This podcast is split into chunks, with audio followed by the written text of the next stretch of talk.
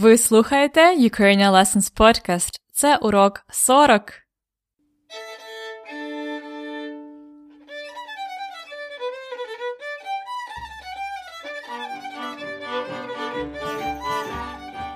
Привіт! Це Анна, ваша вчителька української. І це останній епізод подкасту. Останній епізод. The last episode. Or is it the last? I have started this series for beginners 10 months ago and I had a plan to make it a 40 lesson series for beginners to start with and see how it goes. I must admit I enjoyed doing this so much. At first, of course, it was challenging with all the technical parts, looking for people to record the dialogues. The teaching was the easiest. What I like the most is the creative part of making this course and the communication that goes along with getting to know you, my listeners from all over the world. I do have some ideas for more lessons for intermediate and advanced students, but I would need to know first if you need them and how you want them. Please help me shape the future of my project in the right way. Just take from 5 to 10 minutes of your time and fill in my survey it's at ukrainianlessons.com slash survey. I will repeat this link again at the end of the episode. Also, at the end, I have some very exciting news about my future to share with you. You will like it. But now let's get to work. Today is a special lesson when my listeners interview me. I've got some really nice запитання, and I can't wait to start answering them. Почнімо. Let's start.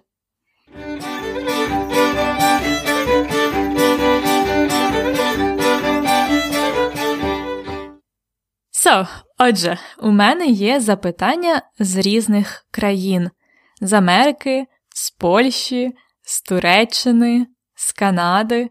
Слухайте питання. Listen to the question. Then I will repeat it again, making it correct grammatically, just uh, changing it a little bit, and then I will answer it in Ukrainian. And after I will repeat my answer, explaining you some words in English. In this way, you will learn something more about Ukraine and at the same time practice your українська мова. That's what we are doing here at Ukrainian Lessons Podcast. Ви готові починати? Ready to begin? Тоді слухайте запитання 1. Це Іван з Америки. Христос Воскрес! Що ваш улюблена українська їжа? So, отже, Іван сказав Христос Воскрес. This is a common greeting for Easter time. І запитав, яка ваша улюблена українська їжа? Яка ваша улюблена українська їжа? Ммм, їжа. Я люблю їсти. І українська їжа моя улюблена. Я обожнюю борщ, червоний борщ, зелений борщ та інші українські супи. Я дуже люблю гречку. Я їм гречку кожного тижня. Влітку я дуже люблю всі українські фрукти і овочі, салати, рагу. А також я люблю їсти страви з картоплі. Це смажена картопля з цибулею, картопляне пюре, печена картопля з салом, картопляні пиріжки з часником. А моя улюблена українська страва це деруни зі сметаною. Деруни це млинці з картоплі. Okay, I can continue with my favorite Ukrainian food for hours, so just let me repeat at least what I said and explain it to you a little bit more. So I said, mmm, їжа, я люблю їсти. І українська їжа моя улюблена. Їжа is food. To eat – їсти. Я обожнюю борщ. So I said обожнюю. Обожнюю is to like something very much, to adore. It comes from the word Бог, God, so to make something godlike. Обожнювати. Я обожнюю борщ. червоний борщ, зелений борщ та інші українські супи. Суп, суп, супи. Я дуже люблю гречку. Я їм гречку кожного тижня. Гречка is very common in Ukraine. It's very popular. It's buckwheat. We eat it with meat, with any kind of uh, fish, meat, or salad, with anything. It's like Ukrainian kind of rice or pasta. Влітку я дуже люблю всі українські фрукти і овочі, салати, рагу. А також я люблю їсти страви з картоплі страви dishes з картоплі. From potatoes. Картопля. Potatoes. Це смажена картопля з цибулею. Fried potatoes with onion. Картопляне пюре. Mashed potatoes. Печена картопля з салом. Печена картопля. Baked potatoes з салом. With salo. Salo is Ukrainian style pork fat. Very common and typical, especially in the villages. Картопляні пиріжки з часником. Potato пиріжки, buns or something з часником with garlic. А моя улюблена українська страва це деруни зі сметаною. Деруни це млинці з картоплі. Деруни are potato pancakes, млинці з картоплі. Добре, слухайте мою Відповідь ще раз. Мм, їжа. Я люблю їсти. І українська їжа моя улюблена. Я обожнюю борщ, червоний борщ, зелений борщ та інші українські супи. Я дуже люблю гречку. Я їм гречку кожного тижня. Влітку я дуже люблю всі українські фрукти і овочі, салати, рагу. А також я люблю їсти страви з картоплі це смажена картопля з цибулею, картопляне пюре, печена картопля з салом, картопляні пиріжки з часником. А моя улюблена українська страва це деруни зі сметаною. Деруни це млинці з картоплі. Добре, тепер наступне запитання. Це Аток з Туреччини, зі Стамбула. Аток питає Привіт, Анна. Це Аток. Я антрепренер. Я живу в Стамбулі. У мене є 39 років. І мені подобається вчитися на різних мовах. Я розмовляю англійською, французькою. Ось моє запитання. Як твої улюблені українські музиканти? Бувай! Отже, Аток сказав: Привіт, Анна, це Аток. Я антрепренер. We don't have this word really, we say підприємець entrepreneur. Підприємець. Я живу в Стамбулі. Мені 39 років, і мені подобається вчитися різних мов. Я розмовляю англійською, французькою. Ось моє запитання: який твій улюблений український музикант? Бувай! А так, мій улюблений український музикант це, звичайно, Святослав Вакарчук. Він фронтмен гурту Океан Ельзи. В Україні Святослав Вакарчук дуже відомий. Можна сказати, він у нас рок-зірка. Він музикант, а також дуже цікава і розумна людина. Я часто була на концертах Океану Ельзи у Києві, у Львові, у Хмельницькому. Дуже рекомендую. А тепер ще раз. I said, мій улюблений український музикант, musician, це, звичайно, Святослав Вакарчук. Звичайно, of course, it's Святослав Вакарчук.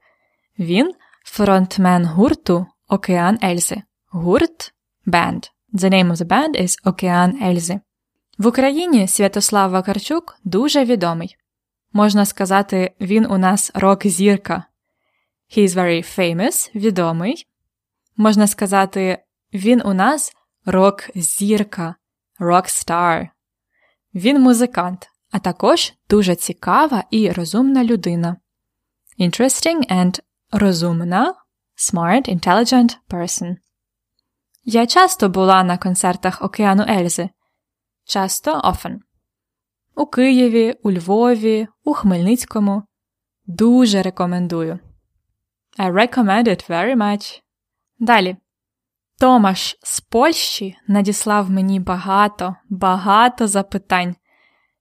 I got many, many questions from Tomasz from Poland, but I will answer three of them here. Tomasz wrote to me in English. Ukrainian beetroot soup, in Ukrainian it's borscht, in Polish barscht, is very popular in Poland, especially in Christmas Eve. I heard that it's different than in Polish version. Polish is a soup with a few vegetables. Ukrainian version is with a pota- potato puree and it's more creamy, like a sauce. Is it true? Моя відповідь українською. Томаш, український борщ це дуже смачно. Він інший, ніж у Польщі. Польський борщ дуже рідкий, ніби червона вода. Український борщ густий. Там є багато овочів. Є буряк, морква, картопля, не пюре, а шматочки, цибуля, квасоля, іноді помідори, часто м'ясо. Я дуже люблю борщ, особливо зі сметаною. Ми їмо його дуже часто, не тільки на Різдво. Ще раз, український борщ це дуже смачно. Він інший, ніж у Польщі. Інший different than in Poland. Польський борщ дуже рідкий. Рідкий means liquid, watery. Ніби червона вода, like red water. Український борщ густий, thick. Там є багато овочів. Буряк, beetroot, морква, carrots, картопля, you know. Не пюре, а шматочки. Not puree, not uh, mashed potatoes, but pieces of potatoes. Цибуля, onion, квасоля, beans, іноді помідори, tomatoes, і часто, often, м'ясо, meat. Я дуже люблю борщ, особливо, especially, зі сметаною. Ми їмо його дуже часто, не тільки на Різдво. Really, we eat it uh, almost every week, uh, not only for Christmas for sure. In my family, we always made borscht once a week and it stayed in the fridge for two, three days. So we were eating it for lunch. And I tried the Polish borscht, uh, which is called barszcz, and it tastes really different. It's more like a drink, I would say, but uh, in Ukrainian, it's really a dish you can eat a bowl of borscht and you are 100% full. Інше запитання від Томаша. Another question from Tomasz. He asked, I heard that in Ukraine there is a festival of potato cake. Do you have any details of it? Potato cakes are very common in Poland, especially in the region of Poznan. I love them, says Tomasz. First, I'd like to say that potato cake is an English translation of a dish, and it could mean different things in different countries. As I mentioned before, в Україні вони називаються деруни. І я знаю про фестиваль дерунів. Я там була. Звичайно, бо деруни це моя улюблена страва. Фестиваль дерунів відбувається в місті Коростень. Це Житомирська область. Можна їхати з Києва на поїзді 3 чи 4 години. Цей фестиваль відбувається у вересні, бо тоді є багато свіжої картоплі. Now again, в Україні we call this деруни. Я знаю про фестиваль дерунів. I know about the festival of деруни. Я там була. Звичайно, бо деруни це моя улюблена страва. Фестиваль дерунів відбувається в місті Коростень. Festival of these potato cakes uh, is uh, is uh, happening in the town called Коростень. Це Житомирська область. Можна їхати з Києва на поїзді 3 чи 4 години. Цей фестиваль відбувається у вересні. It's happening in вересень, September, бо тоді є багато свіжої картоплі because we have lots of fresh potatoes then. It's just the season of digging the potatoes out. And we have all the vegetables very seasonal in Ukraine. І останнє питання від Томаша з Польщі. In which regions of Ukraine are different special dialects of the language? Or the language is rather one? Так, в Україні є багато діалектів. Дуже цікаві діалекти є на Поліссі. Полісся це північ України біля Білорусі, а також на Заході, особливо в горах, в Карпатах. Це гуцульський діалект, лемківський діалект і так далі. Біля Угорщини на Закарпатті такі діалекти, які українці не розуміють. Alright, I will repeat, я повторю. Так, в Україні є багато діалектів, dialects. Дуже цікаві діалекти є на Поліссі. Полісся це північ України біля Білорусі. It's the north of Ukraine near Belarus. А також на заході on the west, особливо в горах, в Карпатах. Especially in the mountains Карпати. Це гуцульський діалект, лемківський діалект і так далі. So different names of the dialects. Біля Угорщини на Закарпатті, near Hungary at the Transcarpathia, такі діалекти, які українці не розуміють. The Ukrainians don't understand their dialects. Of course, near the borders, uh, the language is really different and uh, we really when you go to the Zakarpattia region, sometimes you happen to be in a village where 99% of people speak in a dialect, uh, which is very, very different because the Hungarian language is very different. So it, together it, you have a big mix.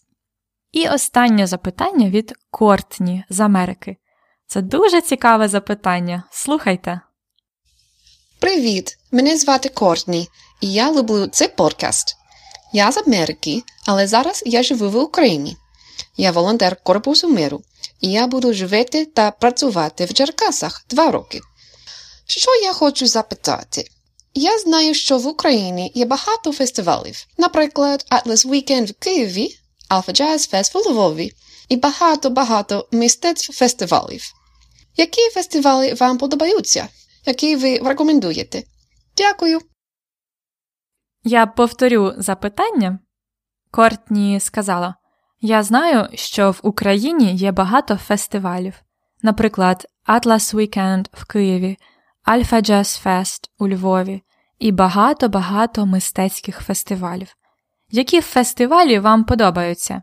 Які ви рекомендуєте? Дякую.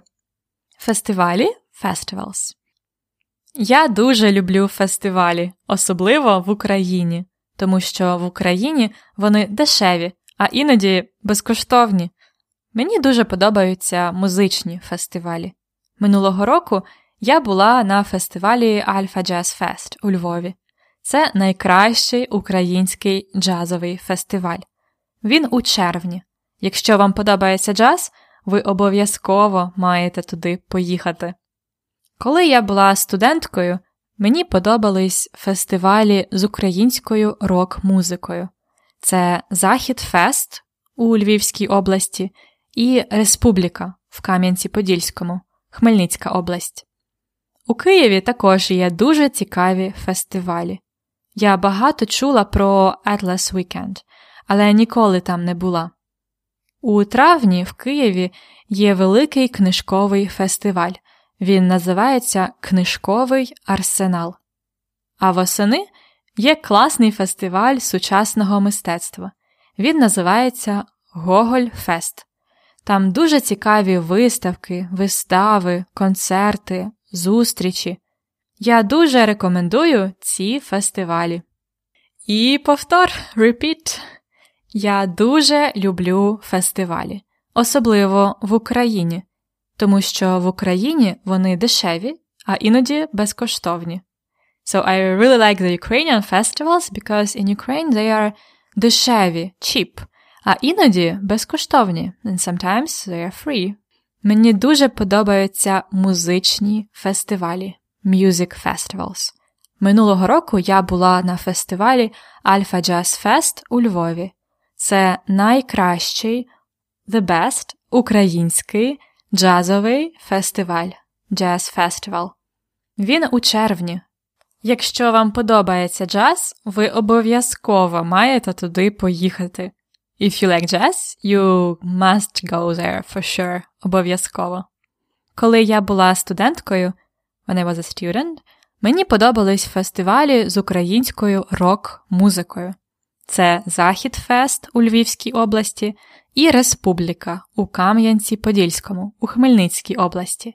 So these are the names of two common Ukrainian rock music festivals Захід Фест і Республіка. У Києві також є дуже цікаві фестивалі. Я багато чула про Atlas Weekend, але ніколи там не була. So I've heard a lot about Atlas Weekend, but I've never been there. У травні в Києві є великий книжковий фестиваль. Книжковий фестиваль Books Festival. Називається Книжковий арсенал. The name of it. А восени є класний фестиваль сучасного мистецтва. Восени, remember, in autumn, there is a cool festival of modern art. It's called Gogolfest. Називається Gogolfest. Там дуже цікаві виставки, exhibitions, вистави, performances, концерти, concerts, зустрічі, meetings. Я дуже рекомендую ці фестивалі. I recommend these festivals very much. Yes, I think festivals are a great way for you as foreigners to discover some part of Ukrainian mo- modern culture in a very concentrated place and of course meet many Ukrainians and practice your language. I will leave the names and links to the festivals I mentioned at ukrainianlessons.com slash episode 40 so you can investigate more about them.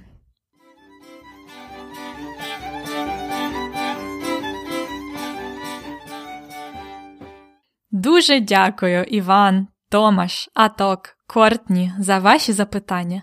I have also received a very interesting question from Nicole з Канади about the language learning tricks and advice.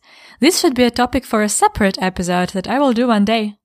And now we are finishing the episode 40. I'd like to remind you that I would really appreciate you leaving an opinion and feedback about this series. Go to ukrainianlessons.com slash survey and answer some запитання. Добре? And now the big news I promised. This fall in 2017, I am moving to the USA for one year to be a Ukrainian language professor's assistant at the University of Pennsylvania in Philadelphia. It's a Fulbright scholarship. As you can imagine, I'm super excited about it as I can get the offline practice to become better in my online Ukrainian teaching. It's a great opportunity and I'm looking forward to start. That's what I wanted to share with you as my favorite students, my dear listeners. And now, time to finish up. As always, if you haven't already, you can consider becoming a premium member for, of the podcast and receive the lesson notes with transcriptions, translations, word lists, exercises. For example, for this episode, the lesson notes include all the questions and answers in correct Ukrainian, plus translation, plus the word list of all the new words mentioned in those answers and questions. Also, our members this time will receive their fourth set of flashcards with all the new vocabulary from the last 10 lessons. Find out more about how to upgrade to premium or get that list of the Ukrainian festivals I mentioned at the ukrainianlessons.com slash episode 40. ukrainianlessons.com slash episode 40. Всього найкращого. All the best. До побачення!